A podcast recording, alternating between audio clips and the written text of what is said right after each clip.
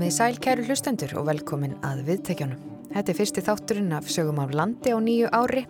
Þáttur þar sem flakkaður um landið, sögur og samfélaginu rifjaður upp og fréttamál líðandi stundar, skoður úr nýjum og oft persónlegum áttum. Ég heiti Gíja Holmgistóttir og í þessum þætti verða með mér þau Halla Ólafsdóttir og Ágúst Ólafsson. Í þætti dagsins þá munum við ringja í Skagafjörðin og forveitnast um ræktun Burni Rótar. Við heyrum líka um byltingu á aðstöðu siglingaklúpsins Nökkva á Akureyri. En við byrjum á að rifja upp sögu eins umtalaðasta hús í Bólungarvík. Bólungarvíkur kaupstæður hefur látið mæla upp eitt umdeldasta húsið í bænum, aðal stræti 16 og hanna fyrirhugaðar endurbætur á húsinu.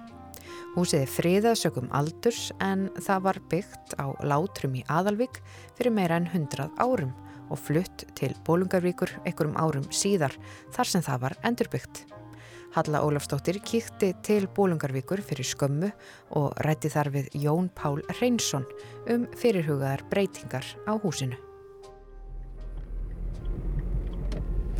Við erum á leið til Bólungavíkur með hafið á hægri hönd nálgust við bæinn. Við kennum fram hér soppunni og yfir hólsá. Og hérna vinstri hönd er Íþróttahúsi og sundlegin, musteri Vass og Veljunar. Og svo félagsheimli. Við kennum sérstætt eftir Þurjabraut sem breytist síðan í aðalstræti.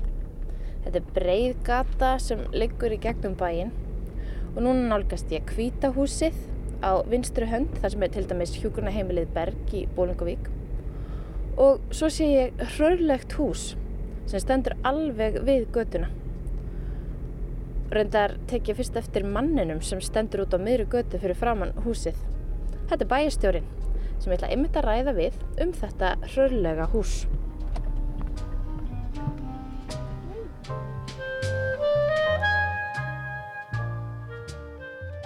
Ég heiti Jón Pál Reynsson og við erum stönd á aðalstrætinu í Bólungavík. Við erum að horfa hérna á húsið aðalstræti 16. Getur þú líst þessu húsi aðeins fyrir mig? Já, þetta er, já, ég veit ekki hvort maður að segja svona típist, allan ekki típist bólvist hús, þannig ekki að segja það. Þetta er nú hús sem er gamalt og frægt, myndur nú segja kannski frægasta húsi í Bólungæk, allan er svona í setni tíð. Þetta er hús sem var flutt hérna frá Aðalvík og það er svona, ef það verið heiðalögur, þá er kannski ekki að segja að þetta sé fallegt eða reysverið húsin, það á sér fallega sögur sko. Það er ekkert upp á sitt besta akkurat núna? Nei, það er alveg skellvegilega illa farið. Þetta hús er, er forskalað og fyrir einhverju hluta sækir þá þegar það ekki var orðið ónýtt þá var það plastað, það hafði eitthvað tengsl við, við útgerðina þannig að það var sett svona, svona plasthúðu sem maður notaði í plastbáta það var sett solis húð á þakki sem, að, sem að svona, var svolítið svona eins og að fara í fjallgöngu og hotstrandir í gummigalanum sem er gott þegar það stendur kjöruð á græn drýning en, en mjög vond að koma frá sér einhverjum raka. Þannig að, þannig að það ekki er sem sagt fúnaði og svo er það fúið að einhverju hluta innan. En það er bara eins og með okkar hlutverk sem við höfum áhuga á að venda gömul hús. Húsið er þarna og sagan er þarna og þótt að hafi munið sinn fífil fegri Já, en hvernig var það síðast búið í þessu húsi? Ég er ekki alveg með á hreinu hvernig það flutt úr því en það hefur ekki verið búið í því í mörg mörg ár. Sko. Út af ástandi húsins eða hvað? Já, en það lóta raka. Það er nú einhver verið reynd að gera upp og lappa upp á það en þetta hús hafa búin að vera bytbein hérna í bænum í mörg ár. Fólk hafi ímsa skoðanir, það er góðar og, og slæmar. Mm -hmm. En var það þá húsi sjálft eða var það staðsendingi? Já, staðsendingi fyrst og fremst. Það skagar aðeins út í göduna og þótt að gatan sé mjög breið, það er mjög breið gata hérna sem við stöndum aðastændið mm. en það var samt sko staðs, einhvern veginn staðseginu húsinu þannig að það er ekkert að gera gungu stíg eh, gangbraut runni fram hjá húsinu, það er óþröngt þannig að þetta hús er akkurat mitt og í þjónustu miðstöðurinn þar sem er pósturinn og bæjarskrifstofan er, er öðrum einn og sem er kallað daglegu talið kvítahúsið, það er rauninni hjúkurunheimilið íbúið fyrir aldrara, félagstar aldrara mm -hmm. þannig að svona æskili tenging millir þessara þjónustu stofnana eh, er ekki hægt að gera með gangbrönd þannig að það er svona eh, einhverju hluta hægt að segja að það sé öryggismál en en náttúrulega alls ekki rauk til þess að rífa húsið. Nei, en þannig fór það að það var svona gerð tilrönd til með, með illu að, að, að losna við húsið. Já, það var, það var, það var beitt á það gröfu og gert inn í skjólunætur. Mm -hmm. Það var reynd að uh, keira húsið niður. Það var bara ekkert að segja að það er rúsið. 7. júli 2014 fjallaði Sveitn Há Guðmarsson, þáverandi fréttamaður og rúf, um skemdarverk á aðalstræti 16 í Bólungavík í kvöldfréttum rúf. Óvíst væri hverjir hefði verið að verki en að húsa hefði verið gjör eðilagt. Rætt var við Elias Jónatansson, þáverandi bæjastjóra Bólungavíkur. Húsið stendur við aðalstræti 16 og er í eigu bæjarins. Það var meirinn 100 ára gamalt og því fríðað samkvæmt lögum um menningaminjar. Þetta er mikil skemmtarverk sem hafa verið unnin á húsinu. Eh, það vil þó þannig til að þessi hluti sem búið er að skemma hér er, er sá hluti sem minjarstofnun sagði að væri eh, setni tíma viðbygging. Þannig að það væri ekki sá hluti húsin sem væri verðmendastur. Þessa myndir sem Jóhannes Jónsson, myndatökum aður Rúf á vestfjörðum, tók í morgun, gefa til kynna að öflug tæki hafi verið nótu til verksins. Húsið var í lélugu ástandi og óýbúðarhæft. Þótt niður ef þess hafi verið til umræðu, segir bæjastjórin slík skemdaverk ólíðandi. Svona eiga menn auðvitað ekki að vinna hlutina. Það er eðlegast að, að þeir fari í gegnum uh, stjórnkerfið og vinnist með eðlegum hætti. Það er auðvitað þannig að það geta verið skiptar skoðanir manna á ymsum hlutum sem snúa bæjarfélaginu en það þarf að fara í sin eðlega farveg. Lauraglann á vestfjörðum vinnur að rannsók málsins og býst Elias við að það upplýsist innan skams. Þetta eru sjómasfréttum 7. júli 2014. Dægin eftir höfðu orði vendingar í málunu og Sveitn Hákviðmarsson sæði eftir frá í háttegisfréttum 8. júli 2014. Bæjar yfirvöld í Bólungarvík hafa haft samband við lögreglu vegna símtals frá manni sem viðurkendi að hafa skipulagt gemdarverk á fríðuðu húsi í bænum. Minjastofnun segir ljóst að lög um menningarminjar hafi verið brotinn og heikst kæra verknaðinn.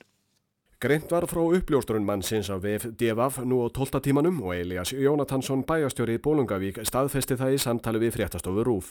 Hann sagði mannin hafa viður kent að hann bæri ábyrð á verknaðinum en ítrekkaði að hann hefði ekki unnið skemdaverki sjálfur. Elias tilkynnti lauruglu um álið. Lauruglan á vestfjörum sem fer með rannsóknina staðfesti í morgun að einn eða fleiri hafi verið yfirheyrðir. Hún hvetur alla þá sem hafa upplýsingar um álið til að gefa sig fram. Húsið að aðalstræti 16 var byggt árið 1909 á Látrum í Aðalvík og fluttir Bólengavíkur nokkurum árum síðar.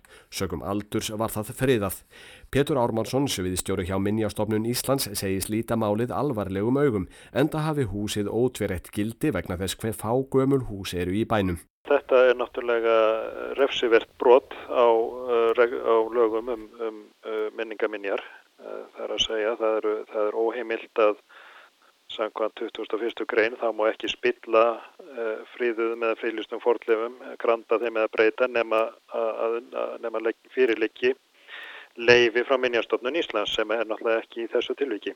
Pétur telur því líklegt að málið verði kært. Svo fórað Minjastofnun Íslands og Bólingavíkur köpstaður kerðu mannin fyrir skemdaverk á fríðuðu húsi og haustu 2016 ákerði hér að saksóknari mannin fyrir stórfæld egnaspjöld brot gegn hagsmunum almennings og brot á lögum um menningarminjar með því að hafa tekið þátt í því að brjóta niður að hluta húsnæðið að allstræti 16 í Bólungavík. Hús sem hafi verið byggt árið 1909 og friðað frá árinu 2010.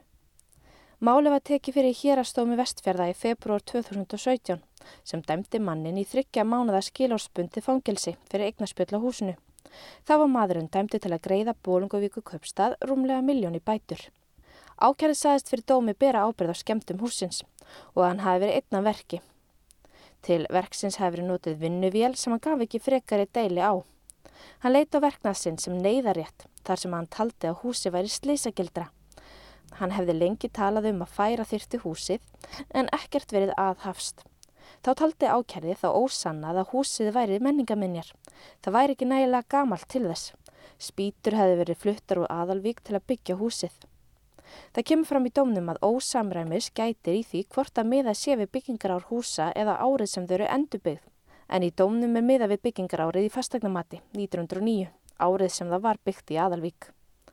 Ákerði hvaðst fyrir dómi ekki hafa kynnt sér aldur húsins áður en hann allir skemmtunum.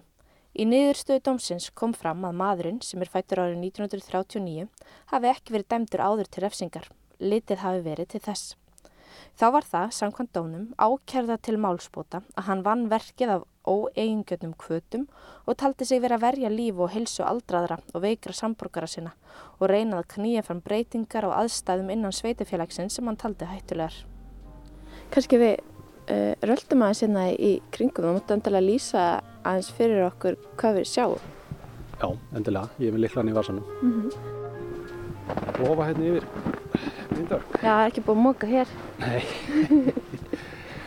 Já, þetta er svona klassíst hús, það er, það er svona frekar litli gluggar Já. en það er forskala, þannig að það er steift þess að búið að steipa utan á, á grindina. Já, maður sér hér- það hérna. Já, maður sér hérna svona, eitthvað svona eitthvað vírunett hérna sta- standa út og einhverja... Það er svo hensnanett. Já, við mitt, einhverja svona einangrun og steipan byrjar að detta af og þetta var svona ákveði tímabil í okkar sögu þar sem við eh, ákvaðum að taka fallið timburhús og, og klína á steipu Mm þegar við vorum að skoða húsi í sumar og, og þá var það opnað aðeins að hluta Já. og ég sé bara hérna, ég veit ekki hvort þetta heyrist hérna þetta er bara húaskýtunar þetta er bara, hérna getur maður við erum bara með pötunum grafis inn í húsið Já, hér getur við riksuðað húsi. já, eiginlega sko Já. komum við mjög skrítnum hluta sem eru bara dildalega nýla spónaputur Já. sem eru, eru hérna voru settar hérna þegar það var opið inn í húsið hérna er í rauninni það sem að grafan gerði allu og, og, og fór á húsið og gerði gati inn í húsið að hluta Já, þannig að þetta eru í rauninni bara viðgerðir á því. já, það var bara svona bráðabæra vikirir Já. En ástæða fyrir því að, að, að ég er svona sérstaklega að, að ræða við því í dag, það er út af því að húsið er að fá framhaldslíf.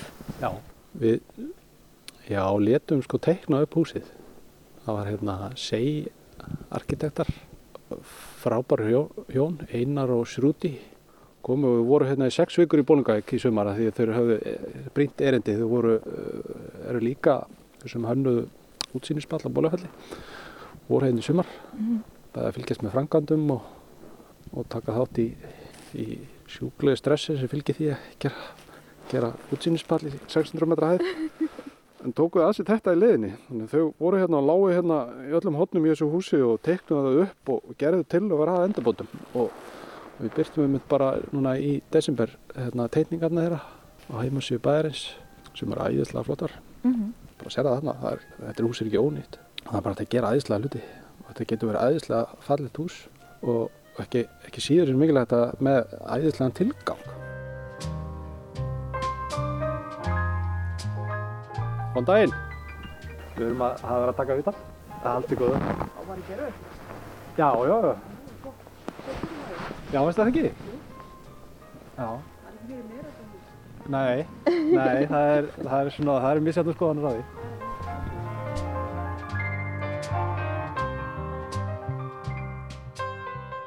Ef að Já. skoða hvernig þetta lítur út og hvernig þið sjáu fyrir ykkur að, að- að lappa upp á það. Já, endilega. Þetta er spennandi, það er langt sem ég hef komið um.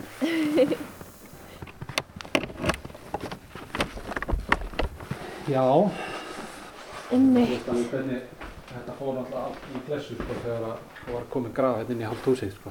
Að Það var tekið hérna ráðvist á hotnið en það er eins og oft með hús og maður eru heyrt sögur, ekki bara um bólungaæk heldur bara allstaðar. Að þegar var að vera að rífa þessi gömlu hús, 100 ára gömlu hús, að það var þetta tómt bastl, það var tómt bastl að rífa þessi hús vegna þess að þótt að væri sko fúið í kringu gluggana eða eitthvað, þá var bara svo mikið af timbrun í þessu sem er ofta tíðum sko gegn heilur norskur stafafur að hvað, hvað þetta var. Já. og það var bara tómt basla að rífa þessu hús að því að, því að, að við erum bara hér. Það þurfti sko stórvirkar vinnuvilar til þess að móka þessu niður og nánast að sprengja þetta í loftöp og það er bara akkurat það sem gerðist. Af því það var kannski orðið á göttunni það þarf bara að fara með gröfu rétt í hotnið og þá dettur það niður á göttuna og niður á vörubílinu og svo gerum við þessu burtu. En síðan var svolítið hamast á þessu hérna á gröfu og það, það bara rétt markaði hérna í hotnið sko. Og ennþá stendur húsið. Akkurat. það er náttúrulega ímislegt sem þarf að gera það þarf að móka út hérna öllu lögnum og Já og svona, bara, svo, náttúrulega bara eh, þetta hús eins og önnur, þetta var, þetta var íbúður hús og, og eins og ofta gert þá kannski þá er settur, setta spónaplötur yfir uppröðulega timbrið og, og það er klætt af allt. Setti nýju gluggar hana, og að unnan lítur húsið út svona. Pínu skrítið. Þetta er pínu skrítið að standa þetta. Og en, en rammin eða hérna, hvað sem er hilkið það er, það er í lagi. Einmitt. og ég skil alveg maður, maður, það er líka kannski mikilvægt það sem maður átt að sjá maður verður að sko reyna að skilja tilfinningarnar á baku þetta mál. Hver eru tilfinningarnar með sko gömlum húsum og á móti? Að þegar að fólk kannski kemur hérna og sér sko brotna spónaplötur og, og hérna gamla opna og, og fúi gólf. Að maður að skilja sko tilfinningar bara að þetta er ónýtt. Ákveður eru við að fara að eigða peningunum okkar? Því það eru ofinberi peningar sem fara í að gera þetta húsu upp. Segja við, við sótum um styrk. Það er bara Íslenska ríki sem borgar okkur fyrir að gera það sem við hefum gert yngar til. Fara, eru við að fara að eigða peningunum okkar í hús sem að mér finnst að sé ónýtt og það eru tilfinningar sem að kannski að bera virðingu fyrir og, og og það er ákveðin tækifæri sem félast í því þegar fólk segir að þetta er ónýtt að þá er það okkar sem að höfum áhuga og vilja til þess að laga gömul hús að segja ákveður það er ekki ónýtt. Þess vegna lögum við að staði þetta verkefni að fá fagfólki að, að opna húsið, teikna þau upp, sína hvernig það getur lit, litið út eftir að við erum búin að gera þau upp. Það er svo mikilvægt að, að við samfærum fólkið og við sínu fólki með þessu húsi hvað er hægt að gera af því að þá er það auðveldar að þeir eru alltaf að taka næsta hús og næsta hús. Mm. Þess vegna er þetta hús svo mikilvægt. Það eru margir sem hafa orðið á því að, að þau sjá ekki gömlu húsin í Bólungavík.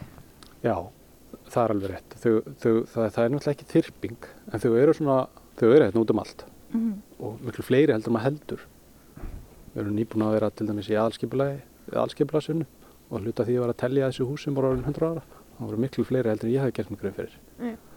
Og það væri rosalega gaman það er líka sem skiptir máli eins og, með, með þetta þetta hús hérna, aðstæði 16 að ef við gera það upp við gera það vel og þetta verður fallit hús að þetta eru ábyrgandi stað í bænum að, að þetta snýst ekkit alltaf endilega að, að, hérna, að það muni einhver búa í þessu húsi að þetta hús verði þú veist, við flytjum í þetta einhverja starfsemi, ofinbæra starfsemi heldur bara það að, að við gerum þetta hús og gerum það fallegt það, það sýnir líka fólki sem er kannski á hús sem er gammalt hvað er hægt að gera og það er að fá trú á svona verkefni er líka, þetta hús getur verið fyrirmyndin og, og það mun fá hlutverk sko. af því að það, það hefur einhvern ótrúlega mikið hlutverk í dag mm -hmm. þetta, þetta er sko ég veit við segja allræmdasta en, en kannski já, þetta er allavega umdeldasta húsið í Bólungavík, mest umtalaða húsið í Bólungavík.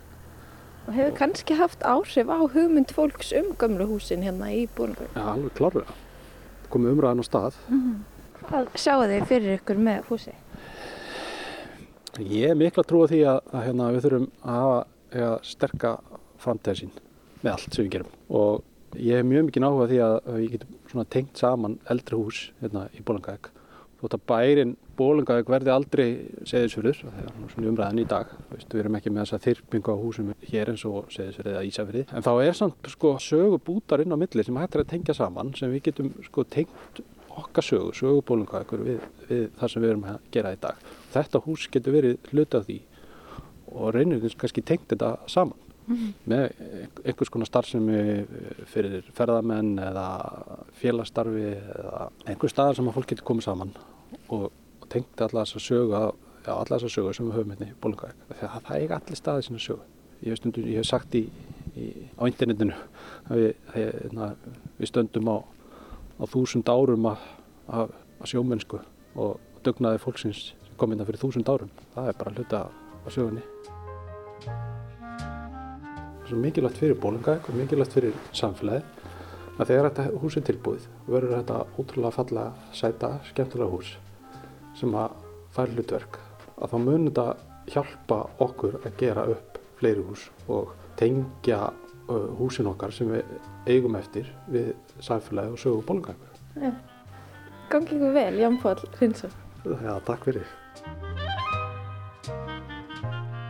Halla Ólafsdóttir rifjaði upp sögu aðalstrætis 16 í Bólungarvík og rætti við Jón Pál Hreinsson um fyrirhugaðar breytingar á húsinu. En næst víkur sögunni í Skagafjörðin.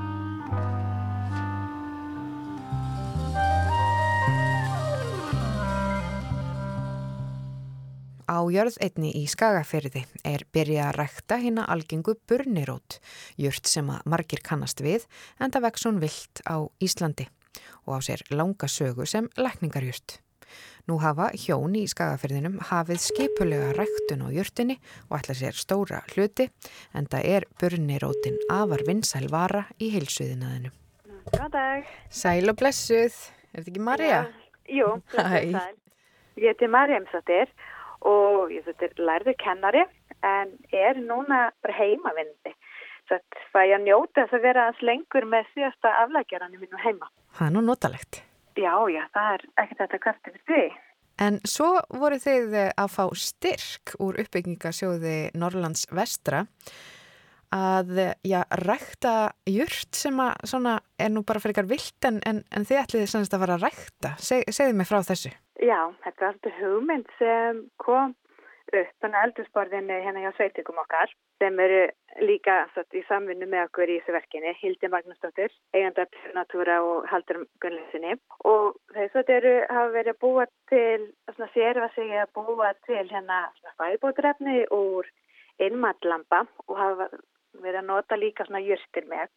Og meðan að spurnurótt og og þau svona voru að tala um það hvað væri erfitt að fá íslenska byrnurótt, það væri reyni bara eiginlega ekki hægt. Og þessi byrnurótt sem við fengum að hún er þá bara tínd vilt í náttúrinni, bara upp á, upp á fjöllum og, og það sem bara sögur því að kemst ekki hérna og, og það er ekki kannski alveg nóg mikil sjálfbarn í því. Og það því að rótin hún er bara nýtt af plöntinni þannig að þá ertur henni bara þá ertur hennu bara eiðilegja plöntuna með að taka rótina. Það var náttúrulega ekki að fara að vaksa aftur. Þannig að þegar þurfti að vera panta fyrir alaska byrnirótt og það það er búin að vera núna áraleng reynslaði að bara rækta byrnirótt í beður. Bara alveg eins og fólk myndi rækta kartöflur eða, eða hvað annað sko. Og, og, og þið eru sem sagt byrjuð í þessu ferli, þið eru byrjuð að rækta byrnirótina eða? Já, við fengum styrkjana frá Frankvætti sér landbúnarins fyrir, hvað alls ekki, eitt og allt ár síðan. Þannig þá pröfum við nokkur svona, byggum til nokkur tilruna beð til að sjá hvað væri nú, hvernig væri best að standa að segja þessu upp á, upp á bara til að fá mesta vöxt í rótina og þannig að við erum komið nokkur beð. En séðan fengum við núna styrkjana frá uppbyggingasjón á landsvestra til þess að bara fara að setja þetta, bara að fylla spýtingi í þetta. Já, og þessi jört, hún er nú, hún vex svona vilt, en hvar eru þið með hana? Er þið að, að potinni niður uh, bara í fjöllum hjá ykkur eða, eða er þið með hana bara í gardinum eða hvar setjið hana? Já, sko, jörðin okkar sem kestum fyrir fimm árum, hún er svona ekkert rosalega góð hættu til landbúnað, en hún er rosalega flott svona útífistarjörð og henda líka mjög vel fyrir börnarótt. Það er mikið af melum og móum hér og við hefum að pröfa að vera setja náttúrulega bara beint í beint bara í jarvegin og sen hefur líka verið að pröfa að endurbæta. Já. Og þannig að þetta er svona, já, svona framtíðinu þá verður þetta meira svona í, í beðum. Það er náttúrulega bara einfald, það er bara einfaldar að náttúrulega uppskera hana svo leiðis og, og hugsa um hana líka. Já. En við svona erum, en við erum búin að pröfa svona alls konar staði svona á, á jörðinni, bæði hérna náttúrulega bara melana og, og jökuleirinn og og líka bara betur en bæta. Já. Sem er til staðar. Einmitt. Kanski áður en lengra er haldið svona hlustendur eru örgulega spenntar að vita hvar búiði nú. Við hefum ekkert komið inn á það. Hvar er jörðin ykkar? Já, við setjum búum í Höldulandi í Hægrannessu sem er staðsett í Skagaferði. Og það er mikið að melum og, og, og svona góðu, góðu landsæði fyrir þessa rót. Já, þetta er einu svona kjör vakstaskilir við byrnarótar er svona melar og það sem er gljúpur jarfögur. Þannig það er alveg hægt að finna eitthvað því hér. En hvað tekur svo börnirótina langan tíma að vaksa? Hvað er þetta langt ferli? Já, sko, ef maður er að láta hann að vaksa frá frægi, að þá er þetta alveg 5 til 6 ár sem maður er að rækta hana til þess að fá sér mesta bestun í þetta. Þannig að þetta er rosalega þólimátt verkinni í upphafi en, en eftir þessi 5-6 ár að þá ámar að geta uppskorið bara doldið ríkulega eftir það. En maður Já. gerir þetta doldið sjálfbarn hátt og passa sig að taka ekki alltaf upp. Já, já, já, maður þarf að vera þólimáður, maður má ekki ana Já. í að taka upp og, og þá eru kannski ræturnar ekkit nógu stórar eða? Nei, alls ekki. Og, og þetta er líka eitthvað sem á eftir að koma pínu ljós hvernig þetta verður hér á Íslandi en svona meða við allar ansóknir og, og skýrslu sem við höfum lesið að þá er svona eins og sambarlegum svæðin í Alaska og Kanada að þá er þetta að taka svona fimm ár. Já, Þannig þetta er, er ekki alveg að koma börnur út á marka bara eftir, ekki að næsta ári. nei, nei, nei. en, en þú segir hérna og talar um Alaska og Kanada sem að eru þetta þessi svona norrlægu svæði sem að eru kjörlendur fyrir þessa jörst en, en hafið þið sem sagt, fóruð þið í svona leiðangur, rannsóknar leiðangur, hvernig þetta væri best og eru þið búin að fara okkur námski og kynna ykkur þetta? Eða hvernig, hvernig byrjuðu þetta? Já, við erum hérna í sam, samskipti við konu í Alaska sem hérna hildur og haldur að vera að kaupa byrnrót af og þau og þess að þetta er fáinlega fullt af upplýsingar hjá þeim og þau líka bara neti. Neti er alveg frábær upplýsingagjafi ef maður svona skoðar þetta með gaggrínum augum. Já, ymmit. Og já, bara markaðurinn fyrir þessa rót, nú þig væntalega að selja til Pure Natura sem að störtu þessu með ykkur og komi hugmyndina, en uh, ætlið þið að selja víðar, verður þetta, svona eru þið búin að skoða markaðinn? Já, sko, það er svona ætlunin og markmið er að þetta verður bara farið líka utanlandsmarkað. Það að eins og við verið að skoða að þá er hérna, þá er ekki verið að rækta það mikið byrnurótt í heiminum brota einfalli út af því að það er ekki það, þetta er ekki það stórst svæði í heiminum sem hendar að rækta byrnurótt. Þetta er henni bara subarktik svæði sem hendar ræktunar og, og sér náttúrulega líka kannski stoppa líka fólk að þetta tekur tíma að byrja. Þannig að þetta er ekki eitthvað sem fólk er að fá strax tekjur í. En, en þú veist, markaðurinn fyrir þetta og eftirspunnin, hún er miklu meiri enn frambóði. Já, ummitt. Þetta er mjög vinsal rót eða sem sagt vara í þessum svona heilsu markaði, er það ekki svo? Jú, hún er það, en það er líka kallurna ginsengin orðinsins. Það hún hefur svona svipuð áhrif eins og ginsengin. Það er til að segja, já, það hefur góð áhrif fyrir kvíða og þreitu og erðaleysi og þunglindi og, og já, þetta er bara mjög vinsalt í þeim bæti efni í, í fæðbótarefni. Já, svo las ég nú á netinu að, söðfjö væri alveg vittlast í þetta. Þið, þið verið ventilega að gera það vel. Heri, jú, ég veitur um að passa vel på það. Það er svona bjargar í að það er, það er ekki, ekki mikið að kynntum hérna í næstan ákveðinni. Já, þau eru heppin með það. Allar, allar ekki það sem er að rölda yfir til okkar. Nei, en segðu mig nú þarna í Huldulandi í Hegranesi, í Skagafyrðinum, þar sem þið búið, er þið með eitthvað meiri búskap? Við erum nú bara með svona, þess að kallast hobbybúskap. Við hérna, erum með nokkar hænur og endur til heimilisins og séðan höfum við líka pröfað að vera með grís eitt sumar, það var endur alveg til skemmtilegt og vorum sér lengi með bíflugur, það er endur dó eitt, einn veturinn en stefnan á að fáum okkur aftur flugur, flugur núna í sumar. Já, þannig að þið eru svona bara að leika ykkur og prófa ykkur áfram í, í alls konar. Já, það er svona sjálfsvista búskapurinn, hann heitla svona daldið að geta svona verið sjálfum sér nægur með sem mest. Og þið ætlaði að fá ykkur aftur bíflugur, hvernig er að halda, já, vera í svona bíflugnabúskap, hvernig er það nú? Herðu, eða er spurt mér fyrir fimm árum, þá ég sagt að þetta væri bara óðsmaðstæði. Það væri bara brjálæðingar og skaurakasta fólk sem myndi fara í þetta. En, en séðan bara eftir maður að pröfa þetta, þá sá maður bara hvað það er alveg ótrúlega skemmtileg dýr. Þeir eru, og, og maður sé líka bara mismöndi gefsla mellir búa og veist, og, og já, og bíflögur er ekkert bara bíflögur.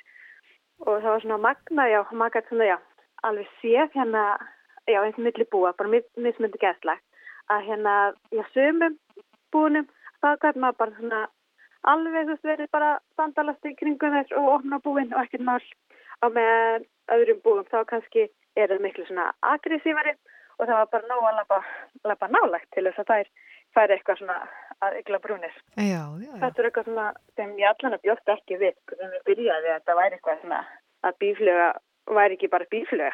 Já, og það, já, börnirótarektunin og, og bíflugnabúskapur, þetta lítur að fara að búa vel saman. Jú, jú, þetta passar allt saman rosalega vel og tala ekki um það, þú veist, ef, ef maður, og ekki það er náttúrulega bara bíflugur er líka bara mjög góða bara fyrir náttúruna heldina, sko. Og maður til og með sér alveg munin á sá að það sem búin voru, að það voru langkjana fallegustu lingin og mestu, mestu að berjanum. Já, þannig að þið sáu bara greinilega mun. Já, já. Það var svona, já, 100-200 metrar rættist. Það var alveg, var alveg nána svarta hlut. Já, en hvernig svo hérna núna er uh, börnirótarækturinn vendarlega bara svona, þið bara undibúa og, og, og hérna, já, hvað eru það að gera núna og hvað ætlaði að nota þennan styrk nákvæmlega í? Já, sko, við náttúrulega byrjum í haustað að sapna bara fræjum af börnirótinu þáttum og, og það er svona heppinu við þetta áttum bæði karlplöntur og kvennplöntur og það er börnirótir eina sem fáu plöntum sem eru einkynja, þess að annarkvært er plantan var karlkynns eða kvennkynns. Þetta er ekki svona að ef maður bara með kall eða bara með konu að þá myndast ekki, ekki frjó fræ. Þannig að þið þurfum að passa vel upp á að hafa báðar tegundir. Já, já, þannig að það er alveg bara þau eru bara hliðið hlið Já, það er praktíst Já, já, það er svona, svona eigu líkunar að það gerist eitthvað. Og, og núna erum við náttúrulega bara settum þetta í, í vetrun og, og erum núna bara að fara að sá þessu og þannig að þetta komi upp í vor. Já. en annars er náttúrulega lítið lítið náttúrulega hægt að gera í þessu yfir veturinn. Það er náttúrulega, það er svona rólega rólega tími. Já, akkurat. Já En já, en við ætlum þetta að nota styrkin í að fara þetta stór auka núna framlýsluna og, og það er svona draumurinn ef þetta blessi COVID með nekkur tíma fara að taka sér pásu að fara pínu lærdamsverð til Alaska og, og skoða hvernig þetta er þar bæði upp á hérna upp á hvernig er best hérna einmitt bara að þú setja þetta niður og, og taka þetta upp og uppsker og svo leiðs Já, það er eitthvað sérstök tæki og tól eh, sem að þið notið eða, já þið eruð ekkert byrjuð að uppskera. Nei, við erum alltaf ekkert byrjuð að uppskera Nei. og þetta er bara verið sett niður bara með höndunum og þetta já, er ekki, ekki það rosalega magn ennþá. Nei, og þið eru fyrst á Íslandi til þess að hefja svona skipulega ræktun á þessari rót, er það ekki?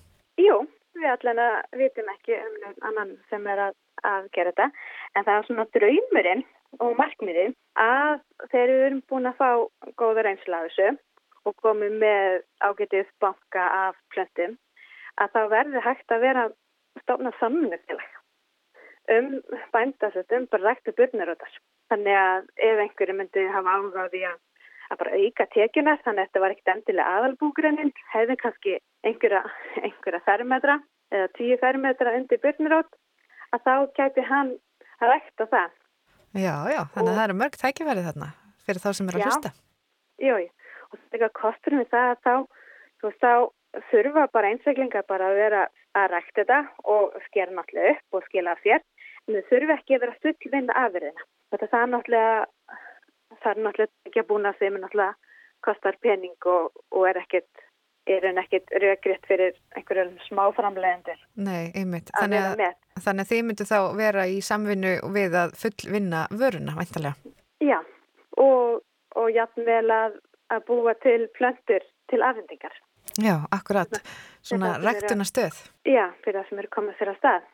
Þetta er mjög svo spennandi, bara gangi ykkur vel með þetta verkefni, að rækta burnir á, á Íslandi, svona undir eftirliti.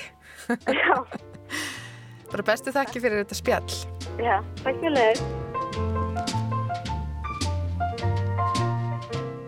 Þarna var rætt við Marju Eymundsdóttur á Huldulandi í Hegranesi í Skagaferði um ræktun burnirótar á Íslandi. En verkefni þeirra hjóna fekk nýlega styrk frá uppbyggingarsjóði Norðurlands vestra. En úr Skagaferðinum höldum við til Akureyrar.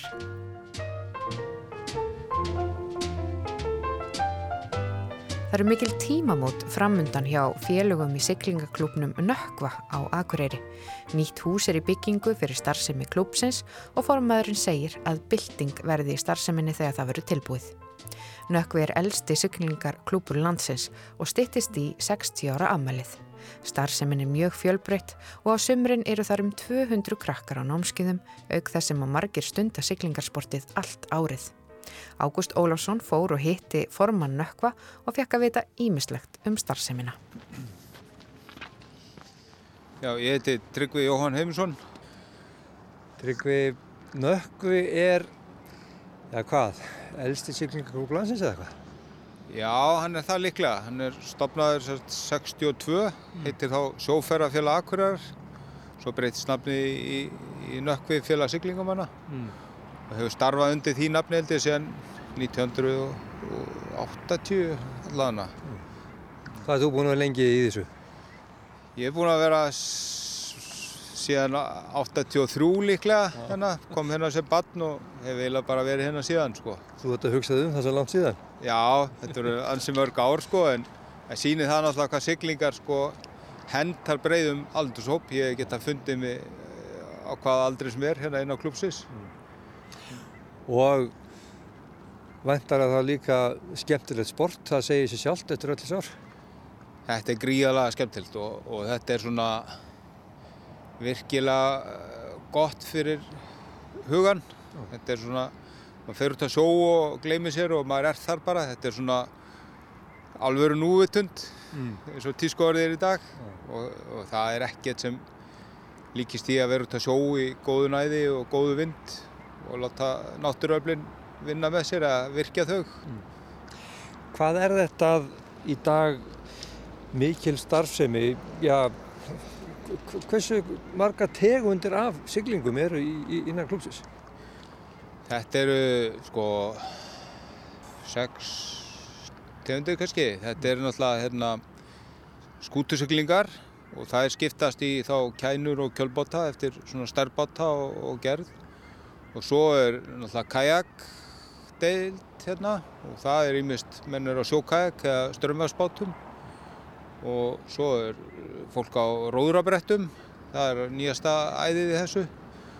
Og svo er eh, menn með veltæki. Þeir eru með jetskíði eða svona já ég veit ekki þóttubretti sem er alveg svona nýjung líka sko mm. þeir týstum á svona hálgjöru brimbretti nema út með svona þóttudrif mm.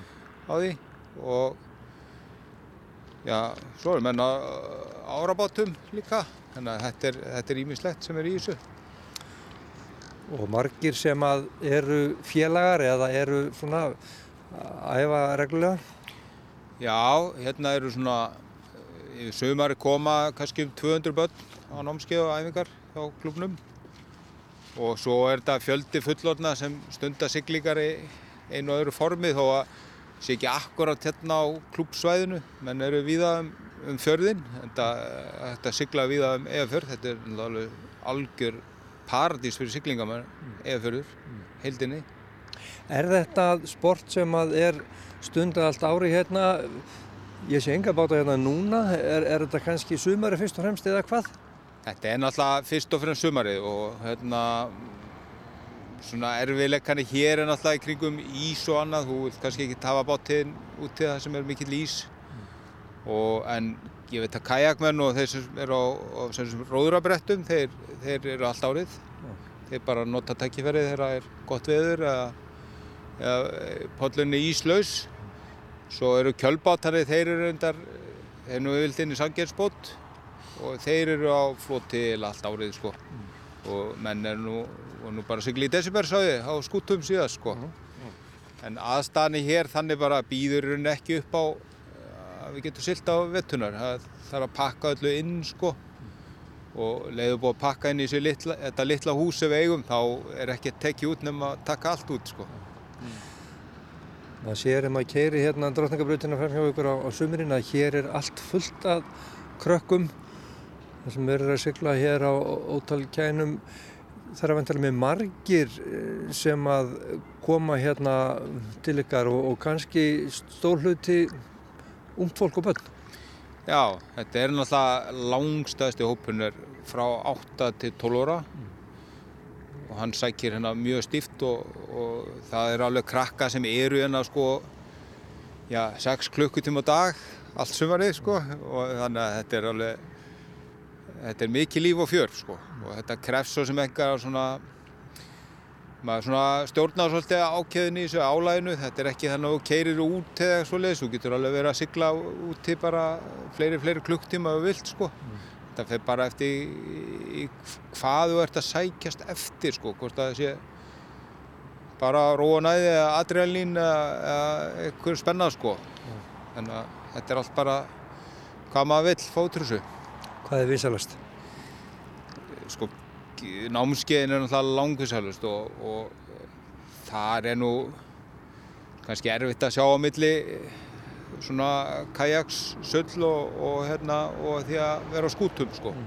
En félagi er náttúrulega, sem keppnisfélagi er það náttúrulega fyrst og fremst á skútum og kannski að sterkast í kjarnin er þar svo sem æfi mest.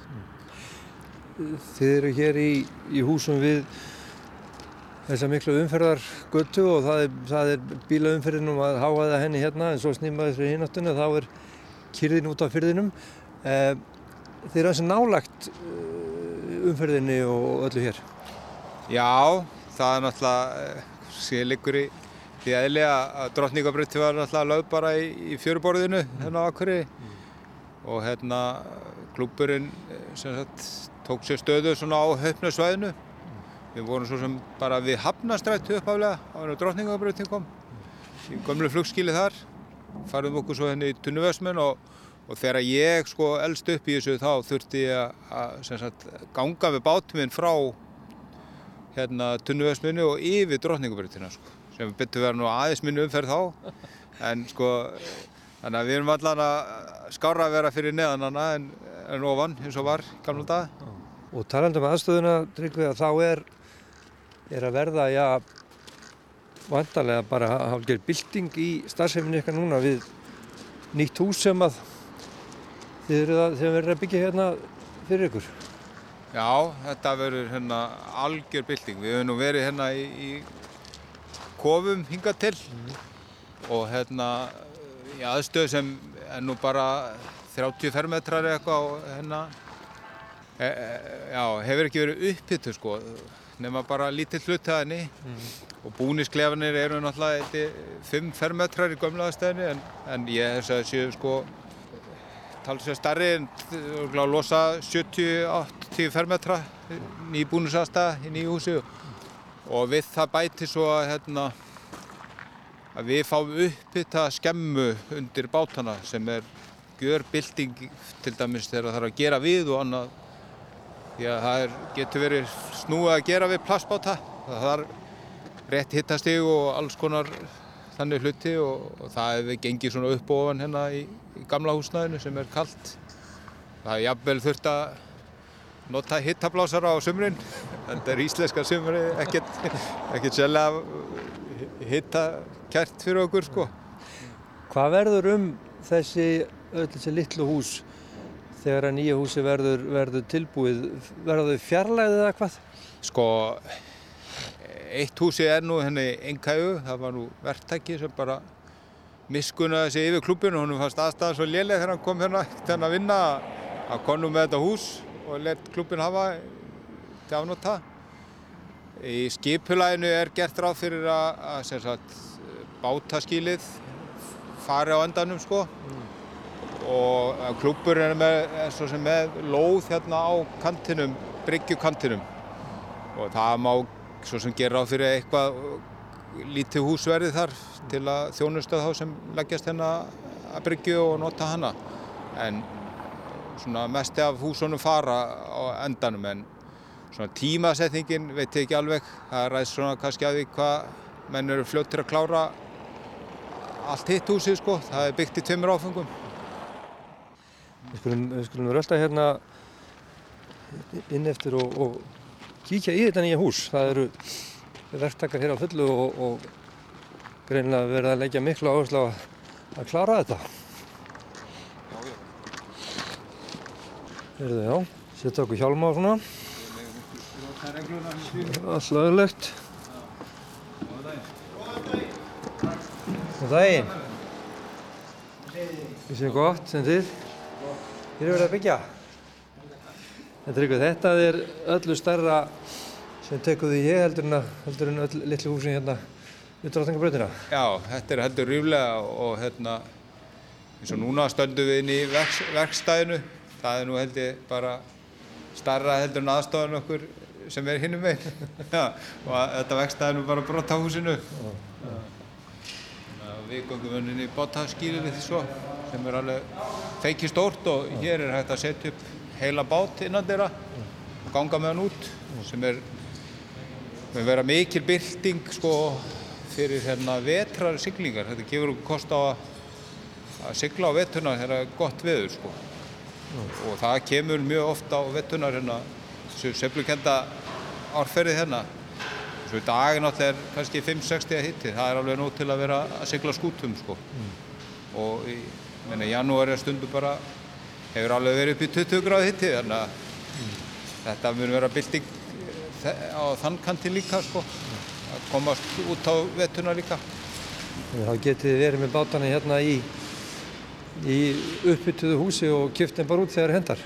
Já, og svo er náttúrulega verður hægt að stunda félagstarf, sko, menn geta komið og dittað að bátum og laga báta og, og, og þá getur klúpurinn sko lóksins haldið starfi út allt árið við ímislegt sko. Því að siglingar er náttúrulega sko þetta er náttúrulega líka teknísport sko.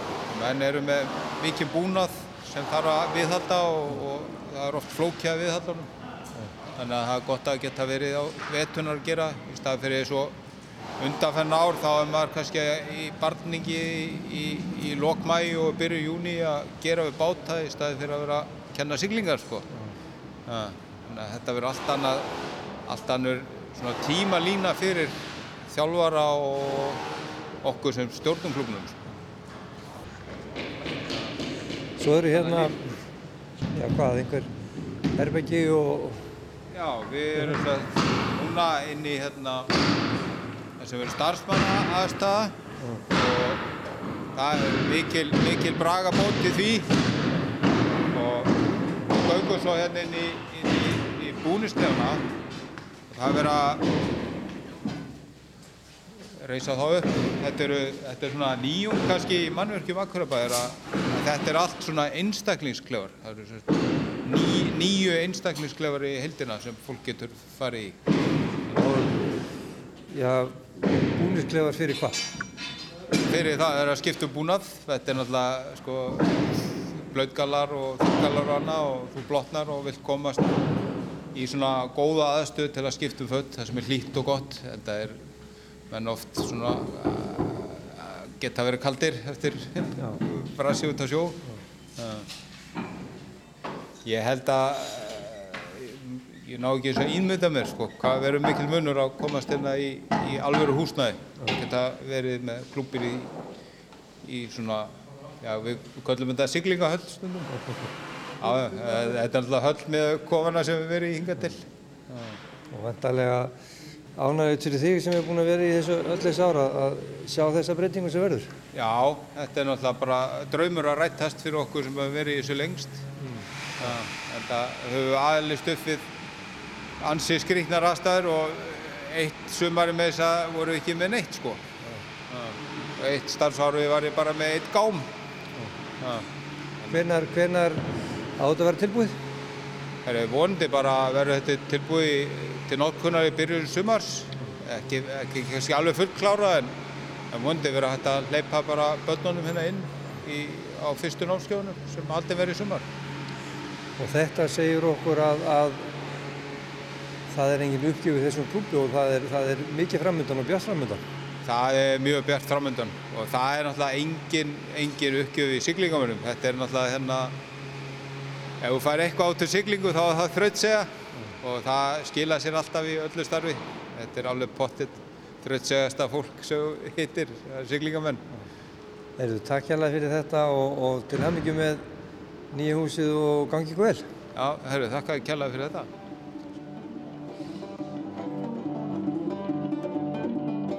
Ágúst Ólásson rætti þarna við Tryggva Jóhann Heimisson, formann siglingaklúpsins Nökkva og með þessu síðasta einslægi er komið að lokum í sögum af landi í dag.